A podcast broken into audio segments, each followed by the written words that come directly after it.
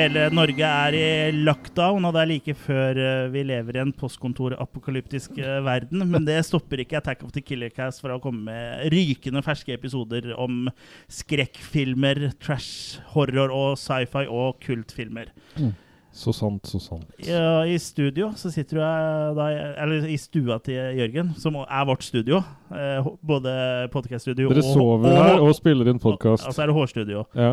Så sitter jeg, Chris, og med meg så har jeg som vanlig Jeg sitter skeivt, Jørgen. Ja, Jeg sitter uh, overskrevs, Kurt. ja over mitt skrev, eller? Ja, Ja. over ditt skrev. Deilig. deilig. Jeg likte det du skrev, skrev mer. Ja, eh, koronaen tar jo sitt kl- eh, Tar jo strammer eh, sitt klamme grep enda hardere. Hva tenker dere om det, folkens? Dere er friske Vi er friske. Forts for, ja, fysisk. Ja. Det er jo Psykisk er litt verre, men korona har vel ikke noe eh, Nei. effekt der. Jeg tenker Onlyfans har sin misjon, jeg nå. Ja, for du har Onlyfans, jeg. For jeg er jo eneste her som ikke er uh, Som har, har date, liksom. Så jeg må liksom date på Onlyfans, tenker jeg. Ja, sånn, ja. Ja. Eh, Som ikke Fordi du ikke har Viv. Mm. Onlyfans, forresten, er det, det er, eh, er den laga for noe annet enn å selge nakenbilder? For jeg vet at de reklamerer med at du liksom kan se At vi f.eks. i Attack of the Killer kan ha Onlyfans, og at man kan få eksklusivt innhold.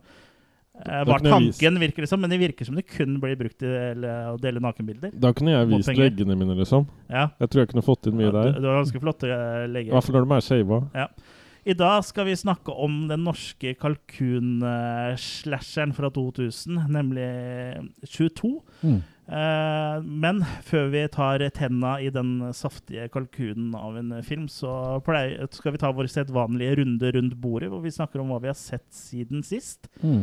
Eh, Jørgen? Nei, Kurt? Eller en av dere? Jeg kan, godt begynne, jeg. ja, det ser ut som du, Eh, du sitter og sitter. Sitter klar. Ja, gjør det, vet du. Mm. Sett en ordentlig perle av en film uh, denne gangen. Ironi? Nei, men ja. Tja. uh, Contamination, eller død, Oh. yes. Eller Dødssmitten fra verdensrommet, het den visst når han gikk ut i Norge. Det her er jo da Luigi Cossis uh, Alien rip-off. Ja. Han hadde egentlig tenkt å kalle den Alien uh, Two on Earth? Ja, Alien came, came to Earth, eller Comes to Earth. Å ja. Sånt, ja. Mm, for Alien to Earth er jo en annen Alien rip-off. On Earth, ja. Ja. Alien 2 on Earth, eller et eller annet. Mm. sånt, Ja. Eh, ja, så det er rett og slett uh, Det kommer en sånn, det er sånn uh, lasteskip, holdt jeg på å si, men det er helt tomt for mennesker, virker det som. Så det Mm. drar jo da et team ut for oss å se hva som har skjedd med det. Mm. Og det viser seg da at det er et et virus da, som har tatt knekken på alle der. Og så finner de noen sånne grønne egg, som ser jo da selvfølgelig veldig likt ut som de podsa i Alien. Og når de blir utsatt for varme, så eksploderer de.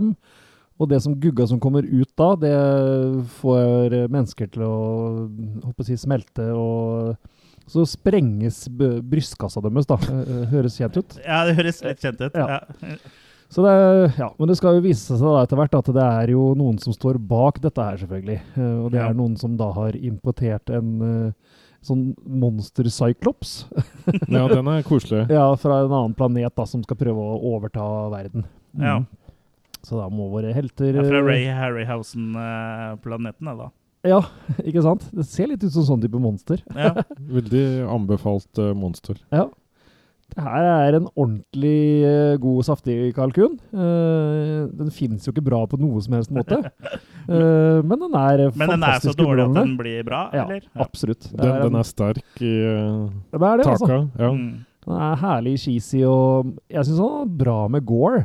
Jeg la merke til at på IMDb så står det 'moderate' på violence og gore, men uh, han var i sin tid på den der uh, forbudte lista i uh, Video Nasties. Ja, Video Nasties. Så den har, gjorde nok mer inntrykk på 80-tallet tydeligvis da, enn det IMDb sine folk um, syns i dag. Mm. Folk fikk så mye skumle bilder oppi hodet før. Ja, tydeligvis. Ja. Men den er forholdsvis voldelig, altså. Ja. Uh, og så er det jo selvfølgelig Det gøy da, med sånne cheesy B-filmer, den der eksplosjonsgreiene. Eh, som kommer i brystet, som sagt. Det har de jo laga med å lage noen sånn form for blodballonger under genseren. ikke sant? Så du, I ene scenen så ser du det går en sånn slange ut av benet på den ene, hvor de pumper Ah. luft inn i den ballongen til den eksploderer. Det er sjarm, da. Ja, det er det. Ja. Så jeg lot meg virkelig underholde her, og kaste lett fem maker på den. Mm. igjen, ikke en bra film, men en fantastisk underholdende film. Du har jo sett den tidligere, Jørgen. Husker du hva slags smak du kasta Jeg vil ti tippe jeg må ha minst gitt en firer der, om ikke en fire pluss. Altså det var, jeg likte den meget godt. Uh, Ja. Så den, den trykker jeg varmt inn til uh, Det var ikke bare brystkassa som eksploderte der, for å si det Nei. sånn. Nei, det gikk hardt for seg i trusa òg, si. Mm. Ja. Ja. Har du sett noe mer, eh, Kurt Olini? Nei, jeg fortsetter jo på Men det begynner nesten å bli en gjenganger. Jeg fortsetter å se The Stand, da. Ja. Men siden det liksom ikke er noe fullført uh, sesong ennå, så syns jeg ikke det er riktig å kaste noe Nei, maker og så helt tror jeg du har gitt en eh, sånn foreløpig maker, hvis jeg ikke husker feil. Ja, mulig jeg gjorde det helt i starten. Ja, jeg husker ikke. Jeg syns det er helt greit, men jeg er ikke sånn veldig Jeg er ikke blitt noe veldig fan. Nei. Da kan eh, Ja, det contamin... Nei, heter den con? Contamination. Contamination er jo å se på Prime Video hvis du ikke Mm. har den på Blu-ray fra Arrow. Så den er jo tilgjengelig for ganske mange. Du må bare ha et abonnement. Mm. Um, den ligger på lista mi der, uh, så den skal jeg prøve å få sett i nær fremtid, siden begge dere skryter den opp i, Bollene. Mm. opp i osteskien. Ja. Men kan du ikke ta sånn der uh, tri trial på Prime? Og så Jeg, få sett den? har- jeg har har Prime. Prime, Nei, men jeg tenkte på andre. Jo, andre kan jo det. Mm. Ja, An André? Hvorfor skal André Ja. André? Hvorfor skal han det? Ja, da kan uh, den Var det noen som rapa nå? For den lukta veldig sånn uh, Rap? Pizza? Er det noen som, har du spist pizza i dag? Nei. Hva er det, er det du som rapa? Det kan hende jeg rapa, men jeg har ikke spist Hva pizza. hva, hva er det du spiste da? Pulled pork. Ja, det lukta litt sånn barbecue-saus, kanskje? Ja, det kan hende. Så følsom det- nese du har i er, dag. ja, jeg det får du veldig følsom nese. Ja. Ja. Eh, jeg og min følsomme nese kan kanskje ta over eh, stafettpinnen. Mm. Er Jeg har en del jeg skal gjennom, så hvis dere må på do, så gjør det nå. jeg eh, kan jo begynne med at jeg har sett Hollow Man fra 2000, Ja. med, som er regissert av Paul Verhoven. Eller Verhofen. Vær hoven. Ja, og eh, den er jo fra 2000, så den har jeg jo ikke sett eh, på 20 år. For jeg så den jo sist da den kom ut. Det med Kevin Bakun? Kevin Bakun, ja. Og når Paul Verhoven da skal lage sin versjon på Vitenskapsmann som finner opp usynlighet og går bananas, så blir det litt mer sleazy og politisk ukorrekt enn eh, man egentlig er vant til. da. Det er bra. Ja, Kevin Bacon spiller Sebastian Kane, en briljant vitenskapsmann som har funnet opp et serum som gjør eh, Serum, som- serum. som eh, gjør den usynlig. da. For han tester jo selvfølgelig dette her på seg sjøl og blir usynlig. Og han Sebastian, da, som i utgangspunktet er en sånn smårapy type, og han er sleazy og i tillegg har eh, skikkelig sånn gudekompleks. da. Han er veldig høy på seg sjøl, blir usynlig og ikke lenger trenger å stå til ansvar for det han uh, gjør. Da Da går det jo gærent. Mm. Og han starter jo litt uh, i gåseøynene lett, holdt jeg på å si, med å voldta en dame som, han, eh, som bor tvers over leiligheten han bor i. da, Som han alltid har liksom stått og sikla litt på, ser når hun skifter, men hver gang hun liksom skal til å vise makene sine, så drar hun og for forhenget. Mm. Men eh, nå som han er usynlig, så tar han jo da muligheten og sniker seg inn der og titter litt, og litt mer, da. Mm. Jeg sa jo at han voldtar, så det, det er jo en del mer. Og går og veien fra det til full killing spree, eh, når hans medarbeidere har funnet, ut, eh, har funnet ut hva han eh, holder på med, og truer med å gå til høyeste hold for å liksom få avslutta prosjektet. Så for det regjeringa, da, eller eh, the government som liksom funder det her, da, de vet Mm. jo ikke at han har testa på seg sjøl. Da prøver han da å slette spor, da, og det, ved å slette spor så betyr det at han prøver å drepe alle andre i den laben og stenger de inne i den. Altså Siste biten er jo, eh, av filmen er jo så å si en uh, slasherfilm, egentlig. Ja. Og det her er en veldig underholdende film, egentlig, og det er gode skuespillerprestasjoner her. Da. Du har jo som sagt Kevin Bason, Mm. og så har du Elisabeth Shue, som spiller Jennifer i Back to the Future 2 og 3, og blant annet. da. Og så har du Josh Brolin. Og så har du jo i tillegg et soundtrack eh, fra Jerry's, uh, Jerry Goldsmith. Altså, det Ja. her er jo en A-film, Mm. egentlig, men med liksom litt sånn B-filmhandling. da. Mm, For det er jo etter Robocop og Total Recall, og ja, det her var når han var et stort navn. Ja. Uh, Men før Showgirls. Ja, og jeg husker ikke om det var før eller etter Starship Troopers. Eller rundt samme tid. Ja, rundt den tida Men det kanskje. smakte godt, da. Ja, jeg har jo sett den før, eh, da den kom for 20 år siden, men jeg huska jo ikke at den var så bra som den uh, faktisk er. For den er veldig bra, og så forteller den Det er jo interessant å se uh, det usynlige mann-biten fra uh, et perspektiv hvor, hvor hvor- hvordan det går hvis en Hvordan, hvordan det er menneskelig. Nei, han, ja, altså Ikke bare menneskelig, men at han er en vulgær, jævlig fyr i utgangspunktet. Det, Mm. Hva som skjer liksom når han uh, får uh, f- Får holde på fritt, da. Mm. Uh, og grensen liksom viskes ut, da. For han trenger jo ikke ta ansvar for egne handlinger. Og som han sjøl sier i filmen, da, det er utrolig hva du kan gjøre når du ikke kan se deg sjøl i speilet. Mm. Så ja, den var veldig interessant. Og nå som jeg også har sett eh, den, tatt et gjensyn med den her, så syns jeg altså det virker som den nyeste versjonen av HG Wells sin eh, Invisible Man-filmadopsjon, som kom i 2019? 2020. eh, At den må ha blitt litt inspirert av Hollow Man igjen. For det var litt av de samme trekka her, med litt sånn psykotisk eh, fyr som blir usynlig. Men nå tenker du på å bli usynlig? Hm? Nå har du lyst til å bli usynlig? Ja, jeg har vel ikke det. Nei? Så, Men- så mye serum fins ikke. Nei, så mye serum fins ikke. Men jeg syns den var eh, jævlig bra, og ja. eh, Du fikk fikk en oppfølger òg, den. Ja, jeg kommer til det, for jeg har sett den nå. Ah. Men uh, den her eh, får da makekast fem, så den Mm. anbefales på grøfste. Veldig god usynlig mann-adopsjon, selv om det ikke er en offisiell adopsjon av uh, H.G. Wells Mm. Invisible Man. Men veldig bra. Og siden jeg var på Hollow Man-kjøret, så, så måtte jeg jo også se oppfølgeren.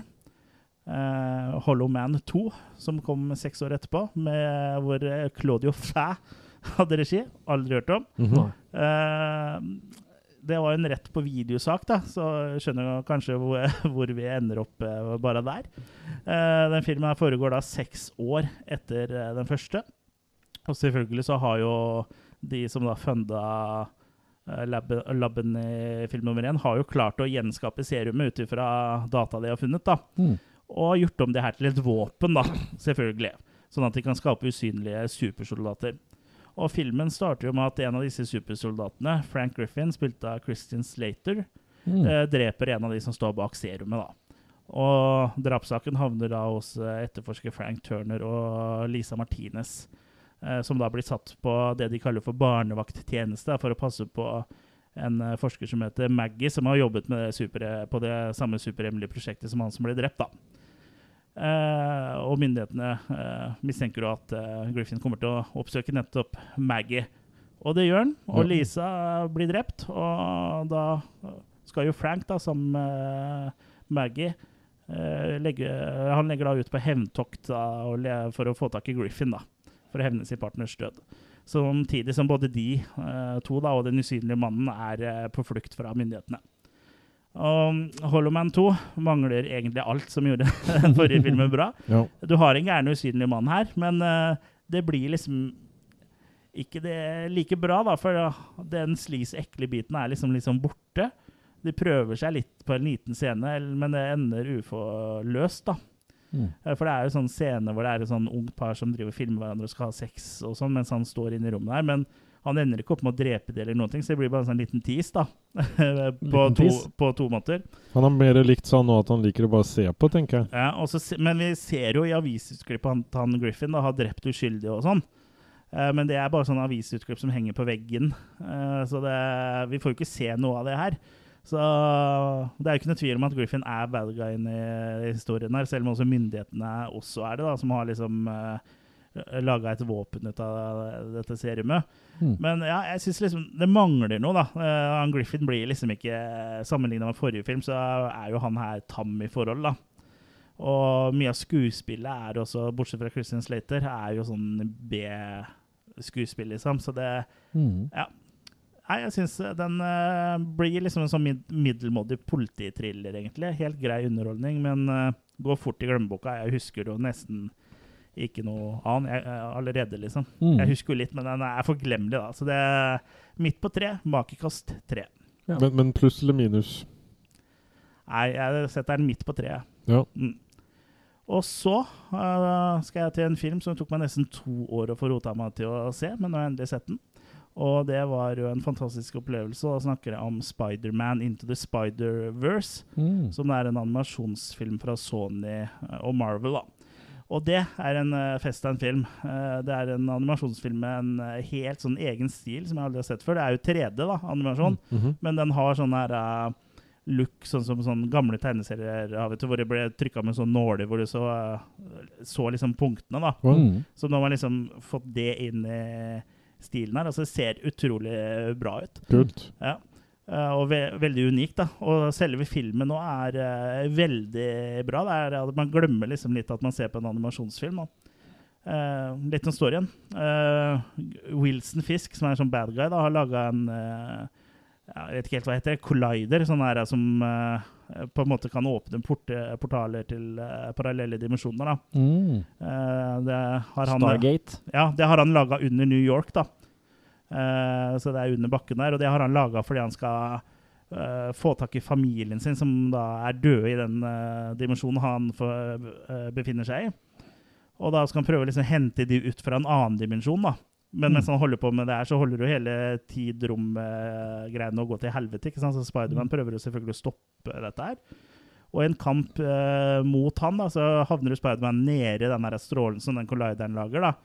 Og det resulterer jo at det kommer masse Spiderman, Spiderwoman og til, til og med en eh, Spider-pig som heter Spiderham. Kommer fra ja, Jeg tror det er litt inspirert fra dem igjen. Han heter Spiderham, da. eh, Som kommer da fra de andre dimensjoner og inn i denne dimensjonen. da. Mm. Og sammen så må jo alle disse spider-folka da kjempe eh, mot fisk for å få ødelagt denne collideren, og samtidig bli sendt tilbake til sine egne eh, dimensjoner. da. Fordi det er, eh, de tåler ikke å være i andre enn sin egen dimensjon, for da går eh, cellene visstnok i oppløsning. da. Så de må liksom komme seg tilbake før de dør, da. Eh, det er en utrolig morsom eh, og fascinerende Spiderman-historie. Det er veldig bra humor her, og mye sånn tongue in cheek-ting. Og det er bra action òg. Det er eh, også emosjonelle øyeblikk, bl.a. blant annet mellom hovedrollen Miles eh, Morales og faren hans. Eh, jeg vil ikke spoile så mye mer handlinga, men det, er, det her er den beste Spiderman-filmen jeg har sett. Altså, den er utrolig eh, god. Jeg visste jo at den her var bra, for den har blitt skrytt veldig mye opp i skyene. Mm. Og den innfridde til de grader. da. Eh, masse humor og mye tongue in cheek. Og den der Spiderham-grisen, da, han sier jo i det han skal Det er en liten spoiler, da. Mm. Uh, Idet han skal dra tilbake til sin egen dimensjon på slutten av filmen, så sier jo han 'That's all, folks'. Og så er det noen andre som sier 'Is he allowed to say that?' så det er litt, litt sånn humor Mm. eh, sånn eh, ja, sånn, hva kaller det? Sånn selvinnsikt. Meta. Ja, meta. At de Mm. er liksom, litt sånn eh, self-aware, da. Ja, ja. Eh, så den er utrolig eh, morsom. Og den fanger essensen av Spiderman eh, veldig bra, syns jeg. da. Mm. Og jeg håper jo at eh, kommende Marvel-film, 'Doctor Strange in the Multiverse of Madness', lar seg inspirere litt av, av den her. For det, sånn som jeg har forstått, så skal det være litt av det samme greiene. Tegnefilm, det òg? Nei, det er ekte film okay. i MCU, Mm. men eh, der er det eh, parallelle dimensjoner som åpnes og noe greier. Så Mm. der tror jeg det blir flere versjoner av superhelten og sånn, så det Mm. Høres interessant ut. Ja, men det er som sagt i, i en, den neste Doctor Strange-filmen, da. Eh, Men Spiderman Into the Spider-Verse den er bare å anbefale å få det sett snarest. Nå var jeg veldig treg sjøl, så eh, jeg skal jo ikke eh, drepe noen hvis vi ikke får sett den. Vi har to Sånn- år på oss fra nå. Ja, to år fra nå. Mm. Men den velger jeg faktisk å gi makekast seks, Oi. Ja. for den var veldig, veldig bra. Mm. Og nå har jeg holdt på lenge, men jeg gir meg ikke enda. For jeg har én ting til. Eh, Vi holder oss til Marvel. Jeg har sett WandaVision. Å ja. uh, Det er jo en TV-serie som er uh, Første TV-serien faktisk som er en Mhm. del av uh, MCU, da. Marvel-universet på film. Eh, Den er å se på Disney pluss. Mm. Kan hende det kommer noen spoilere nå, så hopp fram fem minutter hvis du ikke vil høre de. Det er ikke kjempestore spoilere, altså. Men eh, hvis du ikke har sett noen av Marvel-filmene, så kan det være litt spoiler. Eh, men for de som har sett det, så vet du at uh, Vision, eh, som det er Wandas kjæreste, han dør jo i Avengers Infinity War. Men i den serien her så er han tilsynelatende levende igjen, da. Og så er ledende, da. Levende, i hvert fall. I- igjen. Lys ledende. Og, Lys, han er jo også ledende, for han består jo av elektrisitet, tror jeg. ja, ikke Og sant? sånne ting. Men, um, og lever da eh, tilsynelatende et liv eh, med Wanda i en sånn eh, suburb i en 50-talls-sitcom. Så det er jo rimelig spesielt, det dette her. Eh, men du skjønner at det er, liksom, det er noe som skurrer her etter hvert. da. Og utover i episoden så skjønner du at, uh, at det er, at det er noe spesielt her. Da. Så det er en veldig uh, interessant uh, serie der, og jeg syns det er veldig spennende at Marvel eh, har turt å liksom satse litt sånn eksperimentelt, da, for det her er jo en veldig spesiell måte å lage sånn, De første episodene er jo rett og slett eh, sitcoms fra 50-, og 60- og 70-tallet. Mm. Med latterspor og hele greiene og sånn type sånne tropes fra den tida. Da. Så det, Mm. det er nok mange som faller av lasset her, for jeg har sett mange som har kommentert eh, Disney Pluss har jo delt på Facebook, sin norske Facebook-side, så ser jeg mange som har kommentert hvor utrolig ræva det er og sånn. Mm. Men det er jo tydeligvis folk som ikke har skjønt greia. For liksom, ah, 'Hvorfor ler de? Det er ikke morsomt', og sånt. Men det er jo det som er poenget. ikke sant? Så de nailer jo det ganske bra. Mm. Uh, jeg skal ikke si noe om hvorfor de er eh, inne i en uh, Hvorfor de er i en sitcom, men uh, det blir jo litt tydeligere og tydeligere for hvorfor da, etter hver episode som går. Og den er jo ikke ferdig, denne serien. Det har vel kommet fire episoder hittil, og det er jo de jeg har sett. da. Ja. Eh, Så jeg syns jo det er, det er veldig bra at eh, de tør å gjøre noe som er litt annerledes. For det kunne lett bare blitt en sånn actionserie, ikke sant? Mm. Eh, men ja, anbefales på det groveste, den her òg. Det som er veldig bra, er at produksjonsmessig så holder den seg ikke tilbake for noen av Marvel-filmene. Det, det er ikke sånn at du ser på en litt sånn lavbudsjettversjon, som du Mm. liksom fort uh, kan forvente når det blir TV-serier. Men det her ser like dyrt ut, og effektene er like bra. og Mm. Så ja, veldig bra. Det kommer en ny episode hver fredag på Disney Pluss. Så det her er bra greier. Mm. Eh, foreløpig makekast er vanskelig å gi ordentlig før jeg er ferdig, men foreløpig er eh, det makekast fem. Mm. Nesten seks. Det er store sjanser for at jeg ender opp på seks etter hvert. Makekast, altså. Ja, du har jo tross alt dame. Ja, ikke sant. Men ja, det var vel eh, 20 minutter med hva jeg har sett siden sist, eller noe sånt nå. Eh, da er det din tur, Ja. Jørgen. Hva Ja. har du sett siden sist? Eh, jeg har jo sett eh, mye rart, og dere kan også følge med hver tirsdag, hvor jeg legger ut en video da både på Losers Club og på hovedsiden vår, hvor jeg anmelder en film. Hovedsiden på Facebook. Ja, hovedsiden på Facebook. Ja. Mm.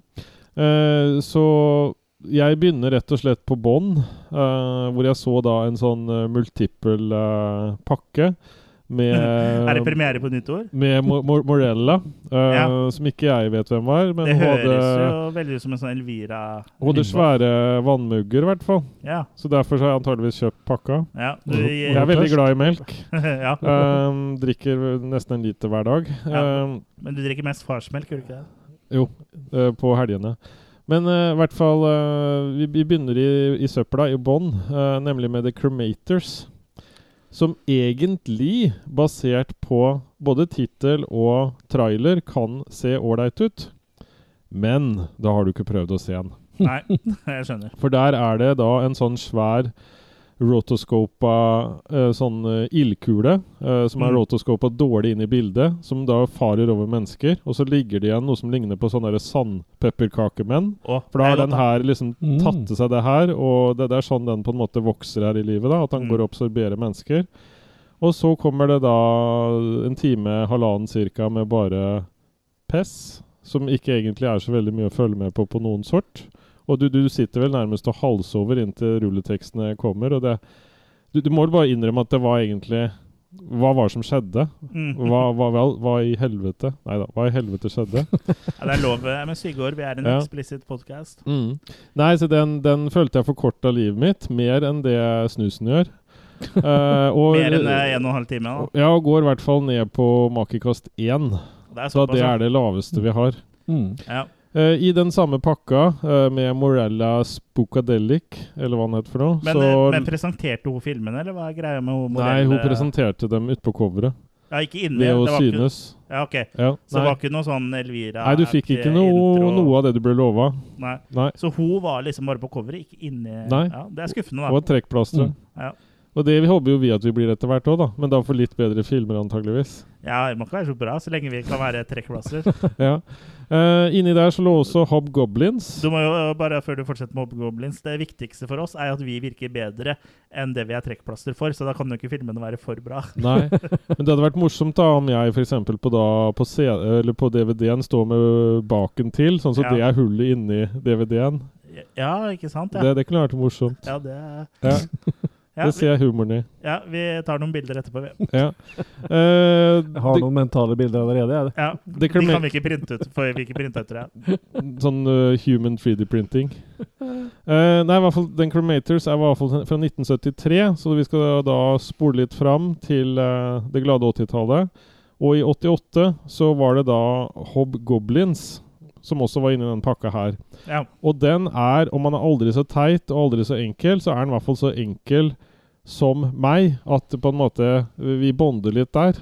Mm. Det er, Det er en eh, enkel, det er, en, eh, det er en ungdomsgjeng som da Det er jo du òg. Ja, deler av dem har seg, og det er ja, Der stoppa Du har alle de teite karakterene med en som minner om litt sånn Rambo-fyr, og det mm. uh, Og så er det da selvfølgelig den idiotiske, patetiske vaktmesteren, da, som har en ny fyr på opplæring. Og du kan banne på at han på opplæring går ned og åpner dette hvelvet, hvor det da er disse skumle Ja. bamsene av noen teite For det er jo ikke veldig mye animatronics, ingenting. Eh, tankene gikk nærmest til Ed Wood, og hvor da stakkars Bella Lugushi drever da og slåss med en eh, blekksprut Mm. som ikke det er motor i. Mm. Jeg fikk faktisk litt sånn uh, Tenkte på stakkars Bela ja. når jeg så et par av fightene der. Uh, og, men allikevel, det er trivelig. Uh, vi kommer da på Scum Bar. Eh, Fra Monkey Island. alt blir bedre med Scum Bar. Scumbar er jo Monkey Island, vet du. Ja, jeg vet. Men Ja. er, det, er det den referansen? Er det, har det noe med hverandre å gjøre? Nei, det vi aner Nei. ikke. Eh, vi spør våre lyttere der. Er det noe sammenheng? Men i hvert fall, uh, Hobgoblins uh, den er i hvert fall trivelig. Det er en artig, hyggelig reise. Og det er en veldig morsom lyd som blir laga når, når to stykker driver med en viss ting inni en van. Så det er, det er absolutt ja, sånn ja. bare- Jeg har hørt det før, når to er inne i en van og bytter forgasser. Ja. Nei, så med det han er og det han ikke er, så gir jeg i hvert fall en fire minus-smaker på den. Mm. Men så har jeg rukket å sett litt mer. Jeg har nemlig sett uh, Nå kan dere gjette her. Duinai Kurtaran Adam. Ja, den, ja. Ja. Kurt og Adam. ja. Det, det er deg og han Adam Skjølberg. Eller The Man Who Saved The World. 1982. The Man Who Saved the World. Det Ja, er- tyrkisk Star Wars. Å ja. Den har jeg sett. Og den er jo et eh, Ja, hva skal jeg si for noe? Hvis Cremators uh, var det den var, så er det her på en måte et lappeteppe uten like. da. ja. For han som skulle lage filmen, den bygde sett og sånn i forhold til uh, romskip og litt av hvert og sånn. Og så kom det en veldig sånn uh, Nærmest sånn der monsunvind eller et eller annet sånt, og blåste bare ned hele dritten. Så han ville jo gjerne laga noe som ligna veldig på Star Wars, så da tenkte han hvorfor bruker jeg ikke da filmen fra Star Wars og legger baki, som han har gjort da til å begynne med på filmen? Og så han har brukt Star Wars som sånn bakprint. Ja, han lånte, Mm. ja, han lånte en print, Ja. men den er jo ikke riktig skalert. Så den ser jo så sammentrykka ut i bildene. Ja. så det her er eh, Og her er det brukt musikk, bl.a. etter det jeg skjønner, fra Moonraker, fra Indiana Jones. Mm. Uh, og det er på en måte Det er et kollasj uten sidestykke. Mm. Vi har ikke, uh, de har ikke brydd seg så mye om copyright her. Nei, og denne filmen ble jo ikke kjent heller før ut på 90-tallet, hvor det begynte å komme bootlegs. Botox. eh, av det her. Så den det har jo ikke vært kjent i hele tatt utenfor Tyrkia noe spesielt at den her eksisterte. Nei. Det er litt seint å begynne å saksøke dem nå, sikkert òg. Ja.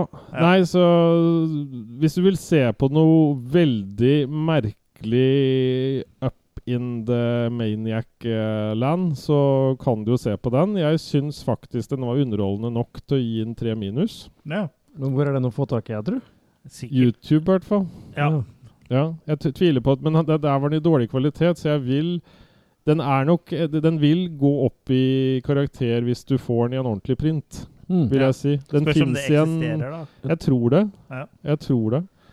Så det er um, Men i hvert fall Den uh, kan jo ikke gis ut på nytt igjen nå, for da kommer vel George Lucas og endrer endre på den. Ja. ja.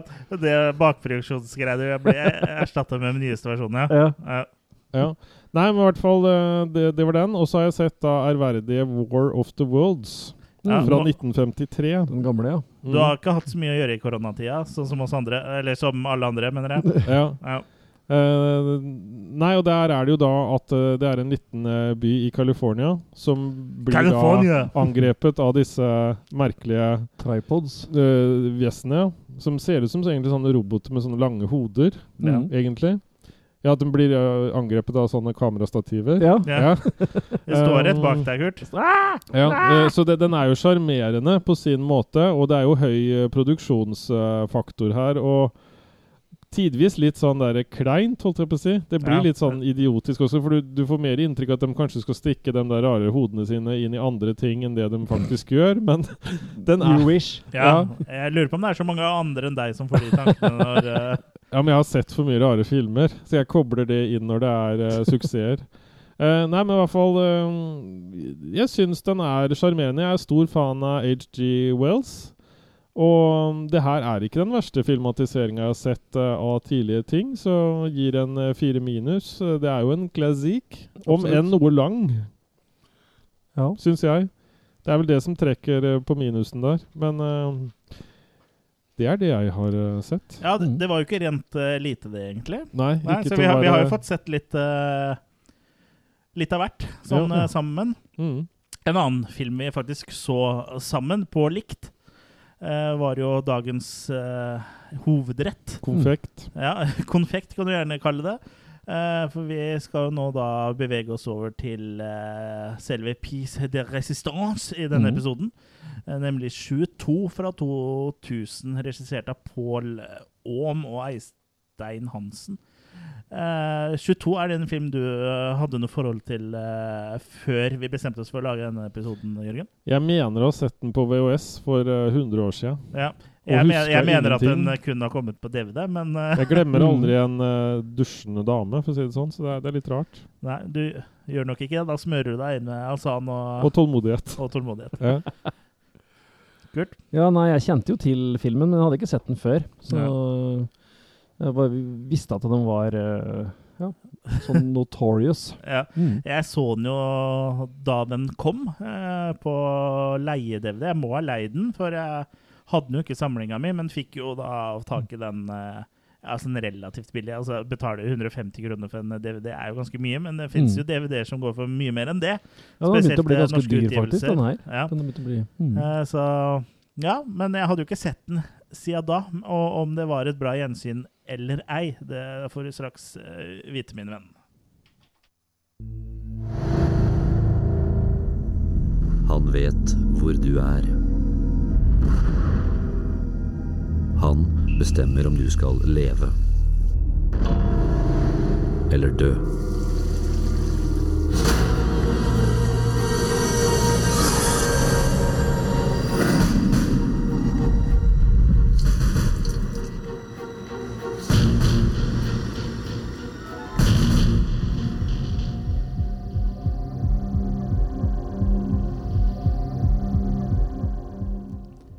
Moroa starter jo da med at vi ser filmens antagonist, altså en seriemorder, eh, gjøre seg klar til å dra ut og finne sitt neste offer. Og det her kryssklippes med nyhetsklipp fra TV 2 som forteller at vi har med en seriemorder å gjøre, Mm. som da dreper et nytt offer eh, hver 22. i måneden.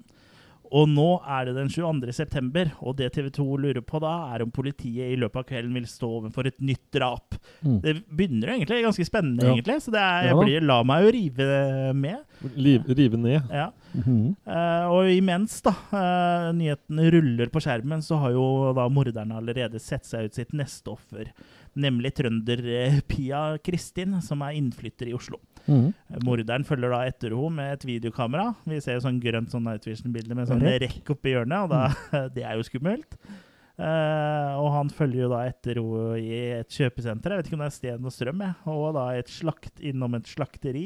Ja, det er litt sånn kul overgang med den kjøttøksa som smeller Ja, ned i ja, så det, det, det er jo ikke Foreløpig så er det jo Mhm. ikke helt kalkun. Eh, Det er jo litt uh, ribbe her også. Mm. Ja, I hvert fall Ja. inne på så du ser bort fra den nyhetssendinga er litt uh, er litt corny, men, Corny, den, men, men, det var jo egentlig nyhetssendinger før. Og hvis Ja. du ser på nyhetssendinger fra 2000, så var de litt corny da. Og det, så, sånne ting eldes ikke med stil. Nei. Sånne nyheter. Hvis du har sett gamle nyhetsinnslag og bare tenker herregud, det her må være fra liksom 80-tallet. Sånn, nei da.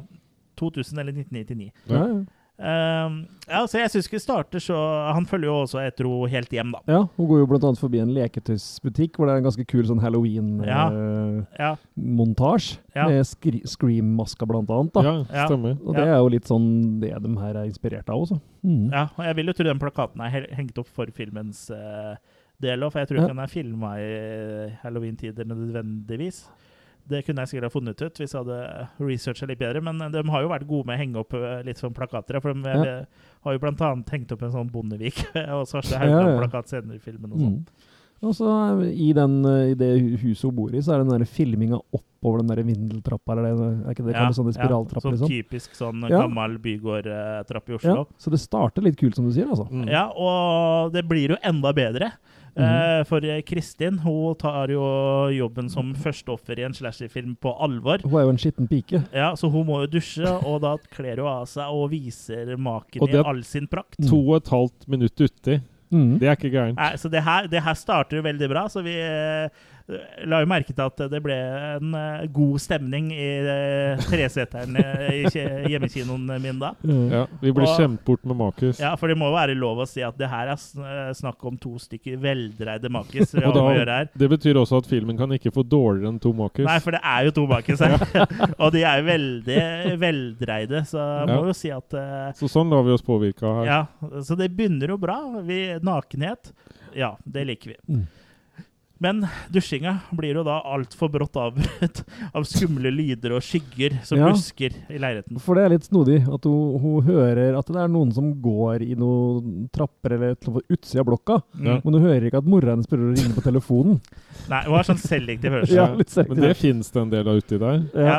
du tenker, ja, det er jo kvinnene, da. Er, jeg har også, min erfaring er også at eh, kvinner har veldig sånn selektiv hørsel. Mm. Du kan liksom snakke, og så får du ikke noe svar, og så bare eh, sier hun sånn Men hun Berit, hun er pen. Hva sa du nå?! Ikke- men Kristin hun hører jo som sagt noe skumt, og Mm. går ut eh, av badet og videre i leiligheten for å etterforske. Dessverre med håndkle på seg. Mm. Uh, hun går jo da redd forbi garderobeskapet i gangen, hvor morderen da står uh, inni der. Mm. Med sånn lyseblå Han har- han har vært hos tannlegen, tror jeg. Ja, for han har sånn lyseblå trekk over skoa. Ja. Ja. Han er litt sånn sanitær av seg. Før i filmen så er han jo tatt på seg sånn engangshansker og sånn òg. Ja, Når man skal du- på kjøpesenter. Kan, og man kan jo tenke at det er for å ikke etterlate seg DNA på åstedet, men han, han er nok bare litt sånn føre var eh, med tanke på koronapandemien. Så han, eh, er, da, ja. han er da 20 år eh, eh, Mm. for tidlig ute, da. For det her er jo en framtidsfilm. Det er det jo absolutt. Mm. Uh, hun undersøker da leiligheten, men finner ingenting. Uh, prøver da å ringe, men oppdager eh, da at telefonlinja er kutta. Mm. Å nei! Hun får ikke ringt ut. Det er sånn eh, standard slasher-trope. Mm. Og idet hun liksom får litt panikk, da, så tar jo morderen eh, sikringa. Mm. Og Kristin får da panikk og løper mot utgangsdøra. Og idet hun da åpner døra, så står jo vår morder med en saks utenfor. Mm. som han da stikker i halsen hennes. Ja. Og jeg må jo si at liksom foreløpig så er ikke det her det dårligste jeg har sett. Nei. Det er Nei. helt OK Gore-effekter og egentlig en ganske er god det. start, den første scenen. Mm. Men det skal gå nedover herfra. Å gud, som det skal gå nedover. Men det, men det går jo oppover at det er på et indisk kjøkken ganske fort, da. Ja, Vi er jo glad i indisk mat, alle her. ja det er vi jo. Ja. For nå har det jo gått én dag sky fra en måned, sånn er det lørdag 21. oktober. Ja, så det har gått 30 dager, da. Mm. Står det jo 30 dager senere. Mm. Jeg vet ikke om det er helt riktig regna, egentlig, men jeg husker det Spørs hvilken måned 30 det er, ja. ja, det er fra september, september til oktober. ja. Det Men- spørs hvor lang lang fredag er og sånn. Ja, Den ikke kan jo påvirke. Og ja, det er jo i hvert fall uh, 21. oktober, og vi introduseres for en gjeng uinteressante hovedkarakterer, som da egentlig Som burde ønska seg et gavekort på skuespillerkurs til jul. Mm. Nemlig eh, Shan, Eivind og Rebekka er de Mm. vi møter først, da. Mm. Og Chan og Eivind Nei, ikke Eivind, men Evin. Evan? Even? Evin. Evin. Eh, Så er Eivind først tidligere. Så eh, uansett, da. De, de to indiske eller utenlandske damene til Chan og Evin, da. Mm. Jeg tror det er indere, indere, og som indere skal og bør, så jobber de da på indisk restaurant. Vi må jo fylle stereotypen i denne filmen. Ja. Eh, de er jo i ferd med å gjøre ferdig skiftet på jobben, uh, mm. men de skal da henge med gjengen senere i kveld. ja, for de uh, er litt bekymra for eh, De snakker om en eh, kompis eller en venn som har blitt kasta ut av landet. Ja, Mm. I en sånn krampaktig forsøk på å fylle filmer med litt sånn samfunnskritikk. Ja. Eh, for eh, vi har jo sett en bakomfilm hvor de sier at de nesten ikke har hatt tid til å skrive dialog, at de bare har skrevet sånn røftlig hva ting skal uh, handle om, og Mm. det legger vi merke til, for å si det sånn. De prøver det hardt her, da. Ja, eller prøver de så hardt, for du har, du har, skuespillerne har jo liksom like mye innlevelse som gråstein, så det er jo eh, og, Ja, jeg tror kanskje de burde hatt uh, litt mer regi på skuespillerne her, altså. Mm. Men de drar iallfall til den andre gjengen som sitter og spiller Tekken. Ja, Uh, Men jentene avbryter det det. det er da gutta i gjengen, som er da Allan og Irash. Mm. Mm. Onel. Ja. Mm. Vi glemte også å nevne at eh, Rebekka også jobber på den indiske restauranten, men hun er ikke inder, da. Hun Ja. snakker sånn som om poteter i halsen. Nå har jeg akkurat snakka med Allan, og vi skal henge der i kveld. Ja. Ikke sant? Så ja. Hun var sånn alt, alltid sånn opprømt sånn. ja. Så snakker de liksom litt sånn Å, Tjanna er forelska i Allan. Å. Men i hvert fall når de er der, da, så må eh, Jeg, jeg, jeg, kalte det for doflyeren, jeg, for at hun flyr så mye på do i denne filmen her. Ja, og, for uh, de begynner jo med altså, Jeg skjønner ikke helt hva slags uh, gjeng dette her er. For liksom, nå skal vi henge med gjengen, og det første de gjør, er å se på nyhetene. ja. Men Men det, samtidig det er vel altså, det spredd seg om det med nyheten om morderen, da? Jeg At det er jeg derfor vil- de ser jeg- mer nyheter? Jeg vil jo tro det. Ja. Jeg vil jo Mm. tro det når, hvis jeg vet at det, det er en morder som dreper hver 22. Så, men de snakker du liksom ikke noe særlig om det, annet enn å bare se på eh, nyhetene. Nei. Men etter å ha sett nyhetene, hva er mest naturlig å gjøre da, når du er i en ungdomsgjeng? Se på indisk film! Ja, Ja, men det er sånn. Bollywood for the win! for det har jo hun Evin leid, da. Mm. Hvorfor har Eh, du leid Bollywood-filmer i Oslo, forresten? Jeg vil jo tro du, På den tida så tror jeg du fikk leid det på Video Nova. Ja. Ja, det tror jeg. Mm. De hadde jo ganske mye, men Mm. eh, nå får du vel ikke leid Hollywood-filmer i Oslo engang? Nei, så um, De ser jo da på den uh, filmen, og så Al Allan Jeg holdt på å si Alan hele tiden. Han heter jo Alan. Allan. Per Ja, han ler jo litt av den filmen, da, for hovedpersonen kan umulig kysse med så stort mellomrom, med mellomrom mellom tenna. Ler han, og så gliser Mm. han med sitt eget Sier flodesmil. han. For han har jo uh, ganske stort mellomrom mellom tenna sjøl. Og Chan blir da litt fornærma over at Allan ler av filmen. Jeg vet ikke om hun liksom føler at det her er et angrep på eh, hennes røtter, eller hva det er for noe. Mm. Men hun, men hun stormer, som du da nevnte tidligere, ut på dass. Mm. Hun blir jo ikke, ikke kalt for doflyveren uten grunn. Nei, og det, og det er jo ikke lenge hun takler å være der inne. Så lenge den doen eh, kanskje har en dør som er låst. Ja, for den går litt i vranglås, den døra. Ja. Mm. Eh, Og det er jo det absolutt verste på hennes liste over ting som kan gå til helvete. Ja, for det er jo ikke noe som minner så mye om å være flyktning som en låst dør. Nei, for hun får jo da flashbacks eh, til at hun sitter i en container. Så Mm. det er jo dyp bakgrunnshistorie vi får et lite Mm. sånn innblikk i her, da.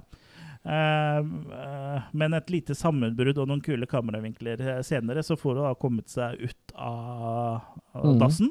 Og da kommer jo Allan uh, gående og sier unnskyld for at han lo av filmen og bla, bla, bla. Og så sa han de andre gadd ikke se resten av filmen, og de stikker på byen i stedet.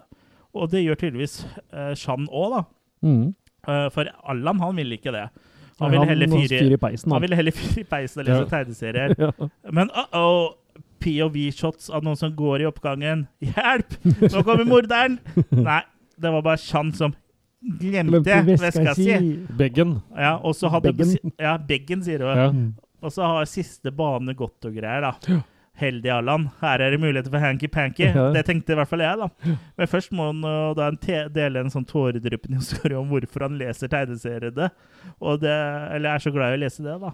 Mm. Og det er fordi faren hans, som han aldri har kjent, ligner ifølge mora på Allan Falk, da, som er hovedpersonen i bladet han leser. Så det er jo tåredryppende bakgrunnshistorier der. Og det Jeg vet ikke. Prøver de kanskje litt for hardt, eller? Ja, var det alt som var skripta? Var det bakgrunnshistorien, da, stort sett? Jeg aner ikke, Man har jo men, eh, funnet på resten av dialogen, mest sannsynlig. Ja, men jeg bare synes, Det blir litt mye. Liksom. ja, ja, ja. For de, de er veldig endimensjonale, og skuespillet er dårlig, så prøver de bare å pushe på med sånn masse staffasje. Da. Så jeg Mm. vet ikke, jeg syns ikke det funker eh, så, så veldig. Sånn som i dag, så hadde det vært AI da, som kunne trådd til og begynt å friske opp i manuset. Ja, det tror jeg de burde hatt her òg. Så det er jo litt, litt sånn eh, Men eh, de deler jo da et sånn eh, tåredryppende eh, øyeblikk sammen. da, Så nå Mm. er det vel duka for litt heftig sex. Nei da. Tekstplakat kommer 22. Eh, og morderen uh, går jo da på en uh, jeg skal ikke ljuge, en ganske stilig lyssatt bro et eller annet Mm. sted i Oslo. Tipper den da går over Akerselva et eller annet sted. Og imens så danser jo da gjengen til veldig sånn generisk teknomusikk på et Mm. utested i Oslo. Og da er de plutselig samla igjen alle sammen igjen, Ja. selv om banen ikke gikk. Ja, jeg, jeg tror ikke Ja, det skjønner ikke jeg heller. Nei, for da er plutselig alle sammen på disko Ja. sammen. Det er vel Ja. sånn tidsportal, vel? Ja. Mak Eller det. så er du bare så lat at hun liksom For det eh, Sånn innafor i hvert fall eh, Ring 1, altså så er det ikke så langt mellom T-banestoppa. Du kan gå eh, ganske fint fra Oslo sentralbanestasjon til Nationaltheatret, Mm. f.eks. Mm. Uten at du eh, At det tar så lang tid. Men ja. eh, og jeg fikk jo også inntrykk at de ikke skulle dra på byen, eh, og Ja, Allan. Men de var plutselig her. Jeg trodde at de skulle liksom eh, get it on. Ting Mhm. skjer, vet du. Men da vil, da vil en av damene ikke være der. Ja, det er vel hun Eivind, som jeg liker å kalle henne. Eller Evin. Evin. Ja. Mm. Hun prøver å få med seg Arash, men uh, hun ender opp alene utafor og skal trekke litt luft. Ja, og de andre kommer jo snart, da. Ja, men da først så kommer det tre hvite gutter som trakasserer henne litt. Hei, vil du ha litt uh, stor norsk pikk? Ja. Det har du godt av, sier de. Er ikke det sjekketrikset ditt òg, Chris? Jo, det er det jo faktisk. Bare Jeg sier 'hei, har du lyst på litt, litt av hvit sossis?' sier jeg. Men hun får jo da jaga de bort. Ja. Eh, men ja, det er jo ikke bra nok, det. Nei, de bestemmer seg for å ta en form for hevn, da. At de skal få chevi. Ja. Så de ambusher dem jo med noen Tekken moves og stjeler lommeboka til han ene, til og med. Ja og Og- løper av gårde. Og løper av gårde til Akerselva, og da må jo selvfølgelig doflyeren pisse igjen. Og de, den gjengen her har utrolig god kondis, da. Ja. For de løper jo da fra der hvor jeg jobber, eh, som er rett ved Sentrum Scene, og helt opp til Blå i Oslo. Og så sier de nå har vi endelig rista de av oss, og Ja. de løper jo veldig eh, lenge etter de andre også. Det kunne vært sånn drikkelek da, hver gang Evin eh, går på do. Så Mm. er det å ta en, en Ja, jeger eller et eller annet sånt. ja. Ja. Ja. Fortell litt om eh, doseansen hennes nå. Ja, for hun går jo ikke og setter seg bak en busk eller noe sånt, for det kan hun ikke, for der sitter jo uh, morderne og ser på. Eller tisser på hushjørnet på Eller Blå, som resten ja. av Oslo gjør. Ja, hun setter seg rett og slett på en, den stien der, mer eller mindre, rett ned ved vannet der. Ja, På forsida av en container, ikke baksida. Ikke baksida. Og det går jo til og med en forbi. Eh, både en som sitter og titter, og en som går forbi. Ja, Og tenker at han som går forbi, er en creep, liksom. Men Ja. hvem er det som er creepen her, egentlig? Eh, Den som går på turstien, eller den som sitter og pisser på den? Det kan hende at hun måtte noe mer etter hvert, da. Ja, hun dret. Bommelom. Bommelom, ja. Mm. Så, men eh, ja da, nei, så eh, morderen er jo i hvert fall på plass og filmer der òg, da. Eh, Så han kommer jo etter hvert ut av buskene med saks. Men doflyeren klarer jo å, Å fly. å stikke. og fly. Ja. Hun skylder på at hun må på do. ja. Så hun gjemmer seg inni en mur, rett og slett. Ja, en sånn uh, gammel mur som er av sånn svære granittstein, som Ja. mangler en granittstein, så hun ak får Akkurat akkurat nok plass plass til at hun får inni der, kommer seg inn der, ja. Men Mm. hun blir jakta og funnet ut for lett, da. Ja, hun ble jo liksom funnet. Og, men at han ikke klarer å treffe henne når han prøver å stabbe henne inni der, det er også litt sånn mysterie. Ja, for det, det er liksom Hun er akkurat langt nok inne til at han ikke rekker, liksom. Ja, Og hun skriker jo. Det er jo derfor han finner henne, for hun driver da. ja puster og peser og ja. Når uh, han står og går fram og tilbake utafor der, så Ja. han hører henne jo. Men det hører også resten av vennegjengen, da. Mm. Da kommer gjengen og skal hjelpe henne. Ja. Og det løper jo da på han her, og hun Rebekka slår han jo Mm. med en svær stein i huet, og han faller jo over Den Den hadde sikkert passa inn i det hølet i muren. eh, Ja, det er sikkert den. Ja. Uh, og han faller jo da over uh, Gjerdet. der, og ligger jo der. Og, Og er blunker. død, da. Og bl han blunker litt, men eh, skal da være død, tror jeg. Mm. Mm. Eh, ja. Men gjengen er da usikre på hva de skal gjøre, for de mener jo noen, i hvert fall hun Hun Rebekka mener at vi må dra til politi. Ja, men øh, disse andre vil jo ikke det, for da blir de jo sendt hjem, for de er jo der ulovlig øh, Tydeligvis en hel haug med illegal aliens. Ja, alle er uh, her ulovlige, og Ira Mm. sier 'Han blødde som faen, han er død'. Og Rebekka må gå til politi'. Mm. Men uh, de inngår da en pakt om å holde tett om det som har skjedd. Ja, da. så ellers her er det jo noen som har leid I Know What You Did Last Summer eh, mens de skrev manus. Ja, men det er også den derre For da kan de havne i fengsel og forsvinne, sier, han- sier hun igjen. Ja, Du ikke blir vaporized Ja. i fengsel. Du bare Ja. kommer i fengsel, og forsvinner du. Ja. Men apropos manus, hva passer bedre nå enn et følelsesladd øyeblikk foran peisen med Shan og Alan? Ja, for Shan skal ta en tur hjem til han og se på peisen igjen. Ja, Men men, og- sånn- men hun får jo da Hva sa du? Det kan hende Allan er mest glad i peis, at det er det han liksom blir tent på. Ja, koselig med peis. koselig med peis. ja. Han, men Chan får jo da flashback eh, til eh, måten å komme til Norge på etter kveldens hendelser. For Mm. eh, det å Hjemme bli overrumpla av en seriemorder, det er jo ganske likt som å da sitte inne i et eh, trangt rom. Mm. Ja. Eh, og vi får jo da vite hvordan hun kom til Norge. Hun hadde jo da en far som var politi i Kashmir. Mm. Som Har en noe- traume om å komme hjem. Ja, og og som hun da for, med innlevelse forteller, han drepte noen terrorister, og derfor drepte noen, noen andre terrorister han. Ja. Uh, så jeg syns jo at vi kan gi, gi en liten applaus for det her, for det her er jo skrivekunst på sitt ypperste. Mm. Det, er, det blir jo ikke bedre, det her. Det er jo Det er, Følelsesladd. det er følelsesladd og dypt. Mm. Følelsesladd avsagt hagle. Mm. Ja. Og jeg må, må bare nevne også, så jeg, hvis jeg bare spoler litt tilbake Jeg har litt moro av hun Rebekka i filmen her. For eh, et- etter de ankommer blå-området der, da, og Mm. når hun eh, eh, går og tisser, eh, så sier Rebekka 'Alle skal bruke penger på jeg er hypp på noe fôr!' Ja. Det er liksom sånn veldig sånn anstrengt uh, anstrengte replikker der. Han hadde klart å stjele bare 400 kroner, eller? Ja, Så- Det var mye fôr for det, da. Ja, ja. Ja, I hvert fall på New Vinnies Kebab, som han uh, Irash jobber på. ja. Eh, dagen etter så finner da en eh, mor og et barn morderen. Mm. Og TV 2 og politiet konkluderer da med at de har fakket morderen. For det har de da bevis For- eh, på. Og det Så nå er er det bare å puste ut. og det er jo sånn greit, da, for at han blir jo drept på kvelden, natten. Ja, Eh, og det er midt på lyse dagen når han ble funnet av dette lille barnet. ja, Og så hører du sirener, og så blir det filma på nyhetene, og da er det kvelden igjen. ja. De har latt liket ligge, lenge. brukt litt tid på å plukke opp det liket. Ja, De må jo på en måte eh, sikre åstedet, da, sikkert.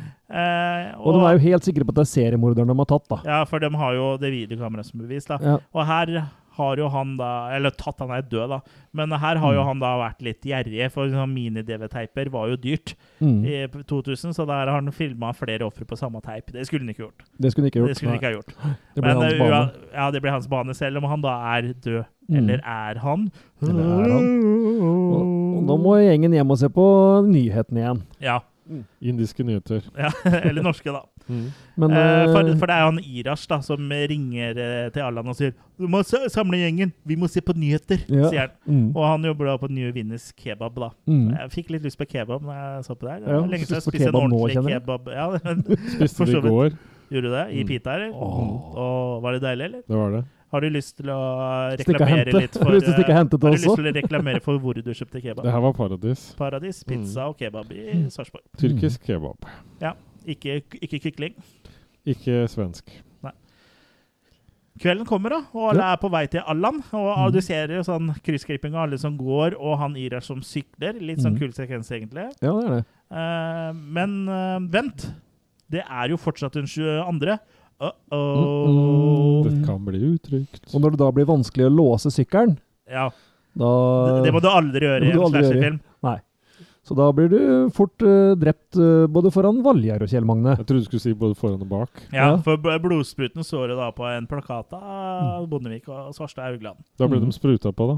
Ja, det liker du. Blodspruta på. Åssen var det i går når du spiste kebab? Ble du spruta på da? Av kebaben, altså?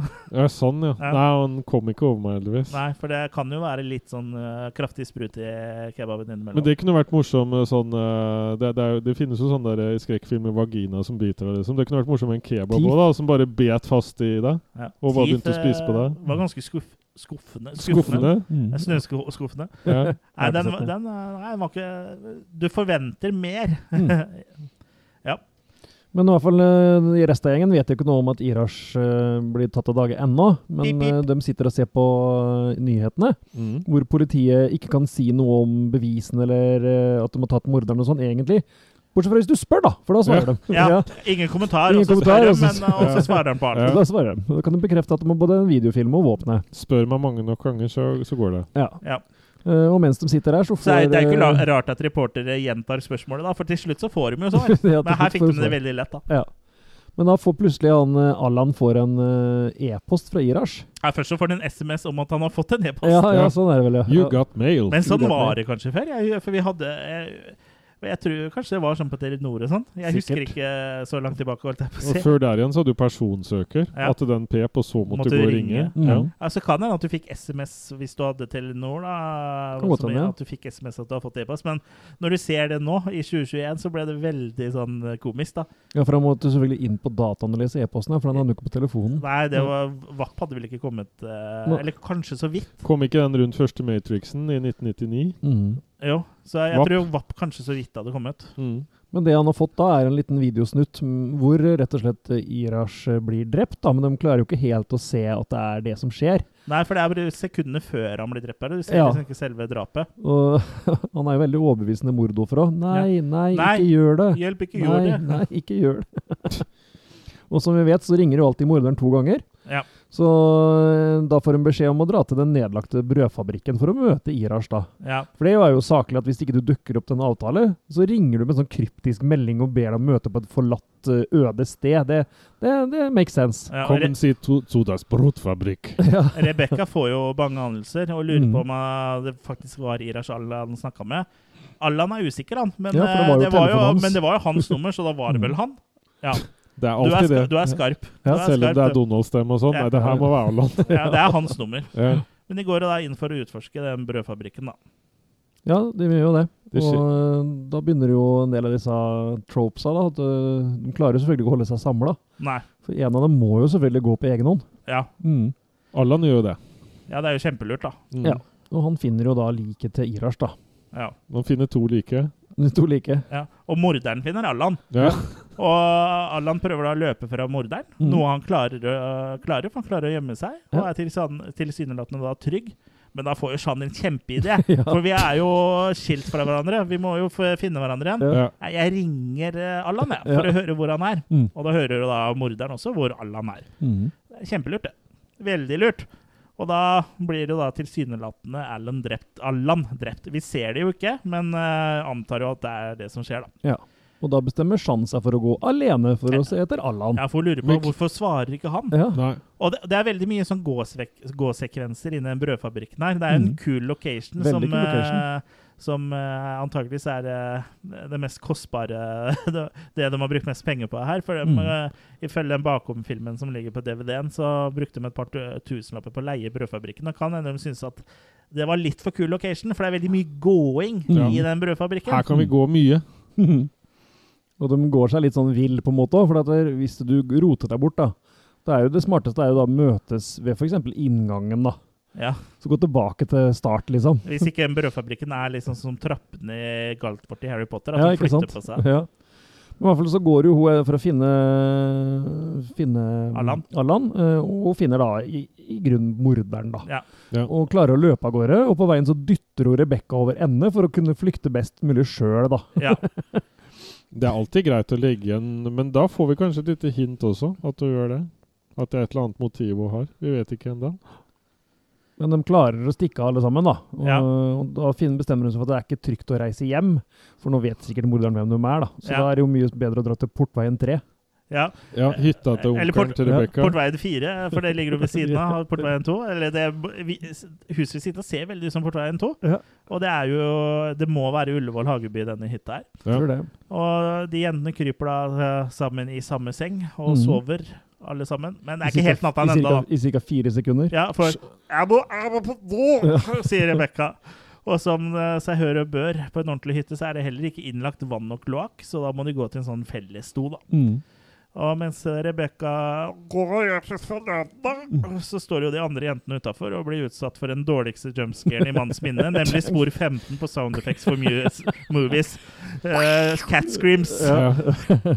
Og så går de da tilbake til hytta og legger seg. Ja, Og Men da varer det bare i noen sekunder, så finner Shan ut at hun skal tilbake for å se etter gutta, for som hun sier 'Dem er ikke døde! Hvordan kan du si Nei, det?' det her vil ikke hun ta inn over seg. Ja. Mm, Hun er nekter å tro at alle hun er glad i, er døde. Ja, Men Mm. før det eh, så har vi en like, liten eh, drømmesekvens hvor noen har leid Evil Dead eh, Ja. under manusskrivinga. For nå flyr kameraet i sånn point of view mot hytta, så det er akkurat som i Evil Dead. Mm. Og inn stormer da morderen og, og mot senga og begynner å knivstikke jentene, og Evin løper da ut. Mm. Og idet hun da har, tror hun har kommet til trygghet, så tar hun da morderen og dreper hun. Eller akkurat idet uh, hun blir drept, så våkner hun, da. Mm. Altså, det var jo bare en drøm. Og da har han dratt allerede. Ja, og har Mm. lagt igjen en lapp eh, for uh, å finne Allan, da. Mm. Meet the Cleaver. Og igjen så syns Rebekka Kan vi ikke må gå til posen? Mm. Og så kanskje legevakta etterpå for å få bort den poteten. Men eh, Evin sier at det her må vi ordne opp i selv, for både hun, Shan og Iraj er i Norge ulovlig, og de vil ikke bli risikert å sende, bli sendt hjem. Så derfor eh, forlater da jentene hytta for å ordne opp i dette sjøl. Den filmen der viser dem eh, hvert landsmøte for, for Frp, tror jeg. Ja, det tror jeg òg. Og ja, de drar da fra Portveien. Eh, Men idet de gjør det, så blir det da filmet med night vision og det hele. Da er det skummelt. Er det morderen som er utenfor? Åssen i all verden har han funnet dem der? Ja.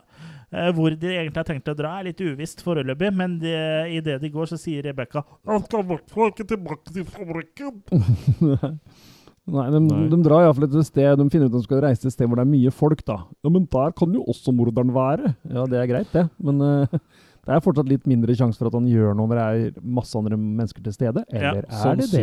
Ja, for valget faller da på Nationaltheatret T-banestasjon. Mm. Og det her kryssklippes jo litt med at Chan går rundt eh, på filmens dyreste location med lommelykt. Mm. Stemningsfullt, jo, men eh, også ganske kjedelig, faktisk. Ja. Ja. Vi Eh, finner en vegg full av sånne skapdører og åpner én dør. Ja.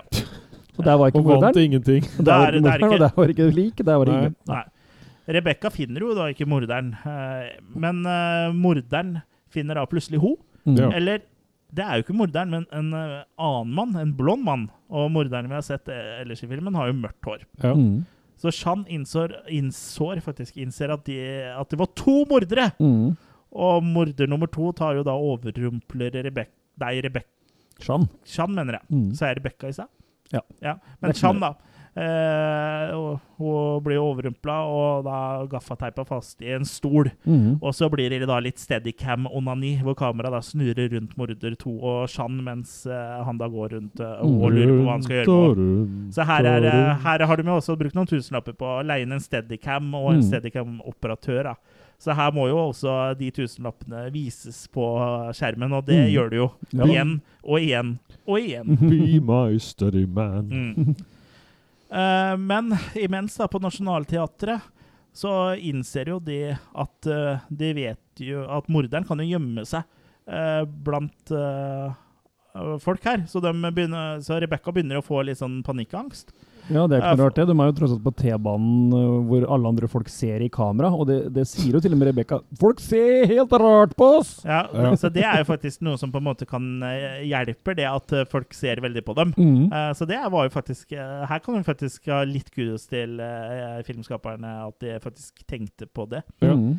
Eh, men angsten til Rebekka er da berettiget, Mhm. for eh, de blir jo en film av morderen. Hun må Ja. bokstavelig ta et tog. Ja, for idet et uh, T-banetog ankommer plattformen, så blir da Rebekka dyttet ut foran uh, toget. da. Ja. Og det her er faktisk en av de bedre scenene i filmen, syns jeg. Den eh, er jo klippa sammen på en sånn måte som er såpass overbevisende at det faktisk ser ut som hun blir dytta ut foran toget. Mm. Og så har du et sånn reaction shot av Evin da, som får spruten i trynet. Oh. Hun ble vel spruta på flere ganger òg, for Ja. å få det til å Ja. bli bra. Eh, du spruta sjøl, når du så det. Men eh, det selger du inn ganske bra, da, syns jeg. Så det, var, det her var rett og slett ikke dumt. Nei. Og det viser jo bare at du kan få til ganske bra ting selv uten å vise det, da. For eh, det er jo klippa bare sånn på en sånn måte så du liksom på en måte legger sammen én og én i huet. Mm. Og får to, to inn i hjernen din. Så nå er jo da egentlig ehm, det, for, eh, ja, nå er det tilbake til uh, Shan og Steadicam-operatøren og Ja. Morder 2, som bare uh, fortsatt står og stirrer rundt på Shan, da, mens Steadicam-operatøren løper rundt henne. Mm. Men der var klokka fire, gitt. Steadicam-operatøren som er ferdig på jobb. Og da kan Morder 2 knivstikke Shan. ja. Ja. Ikke før han har ringt henne først, da. Han er iallfall courtesy til å ringe henne først. Ja, For hun prøver å gjemme seg på en nedlagt T-banestopp. Ja, ja nå tenker, jeg- nå tenker jeg ikke øh, på det, er noe til ja, Evan. eh, ja, Evin, ja. Evin. For hun øh, hun blir jo da drept på et sånn nedlagt uh, T-banestopp. Ja, det stemmer. Ja. Og det er en veldig kul location, da. Mm. Ja. Og hun får Jeg spørs vel hvor godt HMS var ivaretatt under innspillinga Sannsynligvis ikke. For der flyr toga forbi, ja. Ja, men hun fikk jo da øye og gjør litt sånn kule makeup-effekter. Mm. Eh, Så da er jo alle døde, Mhm. bortsett fra Shan og da morder to, da. Og Steadicam-operatøren har dratt hjem fra jobb, som sagt. Mm. Eh, Men idet han morder to da bestemmer seg endelig, etter at Steadicamen har snurra rundt i timevis Mm. Det føles i hvert fall sånn ut. Ja. Så, så, skal, så da skal han endelig knivstikke Shan, men da får han jo en flaske i huet Mm. Og faller til bakken. For da er jo plutselig eh, Allan tilbake fra de døde igjen. Ja, Vi så jo alle at Allan. han ble drept, Mm. egentlig, men det er, det er vår helt Allan. Per Pusling. Han Så endelig- klarer et kill til. Ja, Så de kan leve lykkelig alle sine dager. Og Allan frigjør da Shan, og eh, f- blir en ef- efterlengtet omfavnelse. Mm. Men det er én liten ting de har glemt. Han får noe i ryggen. I slasherfilmer så er aldri morderen død når man tror det. Nei. Og han tåler vel strengt talt mer enn en liten eh, glassflaske i hodet. Mm. Men eh, Alan han tåler ikke kniv i bakhodet, så det ble ikke noe lykkelig slutt. Og Shan hun gjør det hun kan best, skriker og løper. Mm. Og hun tar og, nå tar hun oss med på en liten omvisning i kontorlokalene til den nedlagte brødfabrikken. Det var kanskje litt sånn for å selge det inn, at eh, de trengte å leie ut litt lokaler underveis pga. Ja, det var rett og slett en fin, fin annonse. Jeg lurer på det. Det Ja. skulle egentlig vært en tekst over der. Ja. Ring følgende nummer. Mm. ja.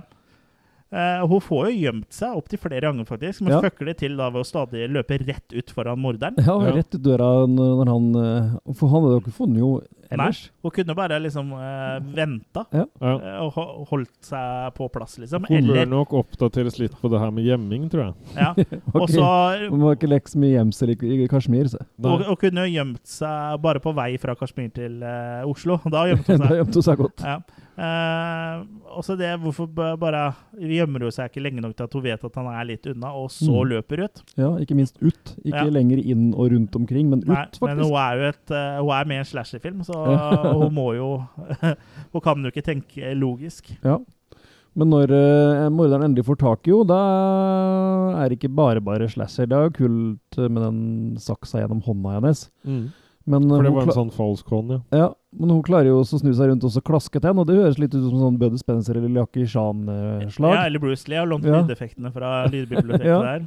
Så da klarer hun Den er spor 17 på den her samme CD-en som uh, katteskriket. Mm. Eh, så hun klarer jo nok en gang å løpe, eh, men morderen tar henne igjen i den heisen. Og det var Hun havner i heisen, rett og slett. Ja, Ja. bestemte ikke vis for at det, det var egentlig huset som gikk opp og ned i heisen som stod i ro. Ja, Ja. ja. fabrikken går opp og ned mens Ja. eh, heisen står i ro. Ja. Um, hun har jo da dratt ut den eh, saksa hun har i hånda, så nå er det hun da som liksom har saksa og overtaket. Ja. Eh, Hadde hun bare klart å stabbe morderen eh, Hun hadde sikkert klart det òg, men hun sikter jo to meter over huet hans. Ja. Så hun driver jo bare stabber i lufta over huet hans. Mm. Men hun kommer jo til slutt uh, stein, saks, øye, da, så hun får, uh, Ja. satt ned øyet på han. Ja, for hun fant ut at det er to meter over huet hans. Det funker ikke. Jeg prøver øyet. Og det gikk så meget bedre. Ja, Og da hun får hun et overtak. hun løper da ut av heisen, og morderen stabler jo liksom litt sånn eh, etter. Det er litt vanskelig å se med bare et øye i et mørkt, mørkt fabrikklokale, stakkars. Mm. Ja. Og stiller seg da opp akkurat perfekt, eh, Mm. nok til at Sean da får eh, han med en gaffeltrøkk. Mm. Jeg driver speeding. I'm a gaffeltruck driving man. Hun kan det der med skiskebab, vet du. Ja, så, så det er ganske kult kill, egentlig. Ja. Ja. Syns jeg blir spidda en sånn gaffeltrøkk. Det eh, var den feteste scenen i filmen. Mm. men han burde ha hørt gaffeltrucken, Ja. Den er ikke helt lydløs. Det er ikke lydløs. i det hele tatt. Det var vel ikke akkurat el-varianten heller den gangen der, tror jeg. Nei. Og selv om den Mm. er, eh, hadde vært det, så hadde du kanskje hørt den. Du hører den likevel, ja. Ja. Absolutt. Det Mm. kan hende at han uh, var litt ør, da. At han Mm. var litt suset i huet. Men klok av skade så sjekker jo da Chan denne gangen om han faktisk er død, da. Mm. Og det Ja. virker jo sånn. Og da, hun går da bort til Allan Slik og stryker litt på han, og tar ut utklipp av Allan Falk fra Mm. lommeboka hans. Og ringer da til politiet med mobilen hans og sier noe Mm. sånn som Det ligger tre like i et fabrikklokale, og to til et annet sted i byen. Ja, for hun Vet tydelig, hun vet tydeligvis at noen andre er drept, uten å Ja, at hun går jo bare ut ifra det. Ja. Ja. Hun har sikkert sett det og lest manus. Ja. Jeg har drept han eldste, og han har drept han andre. Ja.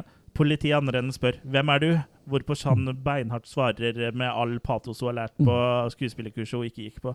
'Jeg har drept den eldste, og han har drept de andre'. Mm. Hva er navnet ditt? Hvor ringer du fra? Det finner dere aldri ut.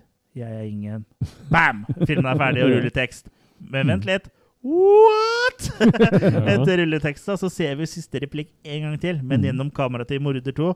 Uh-oh! Uh-oh. Er dette oppspark da til uh, 23? 23? en film som aldri ble noe av, for det ble jo aldri noen film eh, noe mer. Kanskje Ja, nå- 22,5? Ja. ja. Men eh, ja, og det var da Dette var 22. Dette var 22. det. Mm. Ja. Så ja. Hva syns du om dette her, Jørgen? Hva skal jeg si for noe? Jeg, jeg synes jo til dels at de prøver ganske hardt på en god del ting her. Så jeg, jeg, jeg synes jo på en måte Selvfølgelig er det ting her som trekker eh, hardt ned og sånn, men det, det, det ligger i hvert fall en iver og en vilje bak der et eller annet sted. For det var jo en veldig våt Det var en veldig våt kveld, disse to som bestemte seg for å lage Mm. film. De hadde jo vært på fylla i forkant. Mm. Og der ser du hva det kan komme ut av skikkelig hard eh, fyll, holdt jeg på å si. Ja. Uh, så da fikk vi denne filmen her, som blir regna som en av Norges første rendyrka slashere. slashere. Mm. Mm. Så, så jeg må jo si at denne fødselen her var jo spennende. Sånn tross alt. Ja, Men samtidig er det et bevis på at kanskje ikke alt du finner på i fylla, er noe du bør uh, gjennomføre når du er edru. Men for all del, altså, den er jo ikke Den har jo underholdende elementer. Jeg vil jo si første halvdel er helt kurant. Det er Mm. veldig dårlig skuespill, men det overlever det, liksom. Ja. Mm. Ja, jeg hadde forventa meg verre. Jeg sier ikke at dette er bra, men jeg hadde forventa meg ja, rett og slett noe helt uh, ubrukelig. Ja. Og det var vel ikke nødvendigvis helt ubrukelig. Nei. Det er, det er absolutt Det ligger noe inni der et sted. Ja. Hvis man graver langt nok inn. Det er som du sier, at det er veldig mye iver her. Man er Mm. veldig, men hadde de jobba like mye med, med manus og, og dialog, da, Ja. som det de har faktisk fått til mye på det filmatiske, da. Ja. Ja. At de faktisk har eh, kurante folk bak eh, kamera og, Ja. og klippere og sånne ting som kan funke, da. Ja, absolutt. Eh, og jeg synes Det er jo manus. For liksom at, eh, at det er filma med sånn eh, DV-kam og sånn, ikke filmkamera og sånn, det gjør liksom ikke noe så lenge eh, filmen i seg sjøl er underholdende. For det Mm. at det var litt dårlig kvalitet og, og sånn på en DVD-en, det er sånne ting du glemmer Mm. med, med en gang du kommer litt inn i det. Men det, jeg synes liksom de prøvde litt for hardt da, til tider med sånn bakgrunnshistorie, staffasje og Mm. sidespor som egentlig ingen er interessert i. Vi har, de karakterene her trenger ikke noe backstory. Vi trenger ikke at de skal ha noen sånn politisk eh, Agenda. agenda. Vi vil bare se at hun blir drept, vi. Mm. Og gjerne på litt mer fantasifulle måter eh, enn de ble her. Så skulle vi gjerne kanskje hatt noe enda flere. Og at de Mm. dusjer. Ja. Ja. Jeg vil jo si at uh, startscena med hun Kristin er jo noe av det beste her. Og Ja, det sier, jeg må jo si at det også det, at det at hun er naken, drar det jo veldig opp. Men det er jo veldig sånn Den treffer jo Ja, på mange sånne absolutt. slasher-tropes, da. Ja. Og vi er jo slasher eh, Vi har jo doktorgrad i slasher. Så det, her har de liksom uh, kryssa på mange av boksene. Og hun, og hun spiller ikke så dårlig som de andre heller. Så Nei, akkurat hun Hun, hun skulle vært med videre. ja, men eh, hun hadde to eh, flotte maker som det hadde vært en skam om ikke ble brukt. da. Så hadde det vært kult om hun ble drept inne i dusjen også. Ja, det hadde vært gøy. Mm. Med litt eh, blod på eh, puppene mens vannet renner nedover. Ja. Jeg ser at du, at det hardner til i buksa di bare snakker om det. Jeg kan lese en sånn lydbok for deg om, eh, hvor jeg leser den scenen. så bare Veldig sånn. hører dusjen i bakgrunnen. Da får Rebekka til å lese den igjen. Hun du ikke i dusjen, jeg får aldri kjøpt noe fôr igjen! Det var derfor jeg lurte på i stad om du kom til å si det der med at du, den togscenen var favoritten din, for da døde Rebekka. Ja, jeg syns jo faktisk det er en av de bedre scenene. Ja, faktisk. Men også den første dusjscena, første Mm. killet, er jo det beste. Og så syns jeg også åpninga med sånn Selv om det nyhetsgreiene er litt kleint, så liksom funker det, da. Mm. Du skjønner liksom greia veldig raskt, da. Eh, men det, det som ikke funka, er den backstoryen, og i hvert fall når skuespillet og manuset er så dårlig, så funker det ikke med sånn her For det, er jo noe med alle her, liksom. Alle, er, eh, alle de som er utlendinger her, er ulovlige innvandrere. Mm. Og Allan, han uh, har aldri møtt faren sin. Mm. Eh, Rebekka har en potet i halsen. det Vi må ha noe forvent, Men hun har, hadde, ikke, hun hadde ikke en backstory. de har lagt altfor mye i veien. Hun hadde, eneste hun hadde, se. var at hun hadde en potet i halsen. Hun var norsk, vet. Det var ikke noe spennende backstory der. Nei, Allan òg var vel norsk, tror jeg. Ja. Men ja, eh, jeg syns jo også det er enkelt eh, makeup-effekter som er ganske bra her. Ja, da hadde Mm, man fått, til- fått til mye på et uh, stramt budsjett. Ja. Ja, for eh, bu- budsjettet var vel på 100 000 kroner Ja. eh, i, 2000, uh, i år 2000.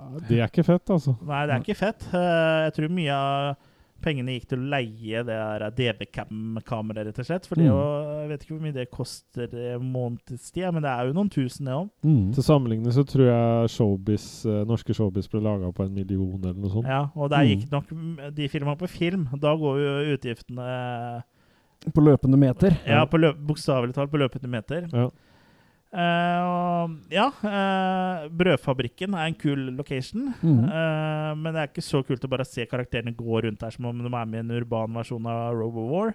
Eh, så det er litt sånn uh, tregt, det, da. Mm. Kunne liksom kutta ned litt på det, føler jeg. Mm. Uh, Nationalteaterscena er kul. Mm. Og jeg syns jo det også er litt kult at de på en måte har geriljafilma det litt. De hadde jo tillatelse og sånn. Hvis ikke hadde de blitt stoppa av vektere. Men det virka ikke som alle statistene, her, de som ble ufrivillige statister her, var klar over det. Jeg syns også det funker ganske bra i og med at de titter så veldig på de skuespillerne. Mm. Også når hun klikker helt over Rebekka vil løpe derfra, så er det en sånn dame som prøver å stoppe og Mm. holde henne igjen, og så river hun for, eh, til seg armen og løper videre. Og det tror jeg er ekte. Det ser i hvert fall ekte ut. Og det er jo ingen her som er så gode skuespillere at de får det til å se overbevisende ut. Nei. Så akkurat det hjelper jo på en måte filmen, at det er litt sånn geriljafilm akkurat her. Mm. Kanskje de skulle utnytta det mer, at publikum er med uten at de eh, vet det. Ja. At det blir mer naturlige ja. reaksjoner. Jeg er litt sånn usikker på om det i det hele tatt hadde gått i dag, for nå er det liksom sånn eh, Nå blir jo, må du ha tillatelse til eh, absolutt alt, liksom. Bare du Mm. tar en selfie på gata og noen går bak, så kan du liksom bli saksøkt nesten. Mm. Men den gangen ble du ikke saksøkt, du ble sakset. Ikke, ja, men Sasha Baron Cohen får jo til det der. Ja. Ja, han eh, gjør jo det, men det er litt andre regler i USA, faktisk. Ja. Um, men ja, eh, og så er det annerledes når det er offentlige personer. Mm. Men eh, ja, eh, filmen eh, prøver jo på veldig mye som den ikke får til, og noe av det som jeg syns Den er jo totalt, totalt blotta for sjarm, Ja. mesteparten av filmen, så det er det som liksom gjør at den eh, Karakterene har liksom ikke noe sånn bi- fi- eller B-film-skisenes-sjarm, liksom. De mangler den Mm. lavbudsjett skisenessen som vi har for, i f.eks. Ja, Intruder, da, som er en sånn lavbudsjett slasher-film som er, ikke har noe høyt budsjett, men som blir morsom pga. Ja, så, eh, Mm. uh, bruke begrensningene til sin fordel. da. Det, For det, for det mangler jo veldig lite sjarm her. Det blir Ja. litt sånn platt og kjedelig.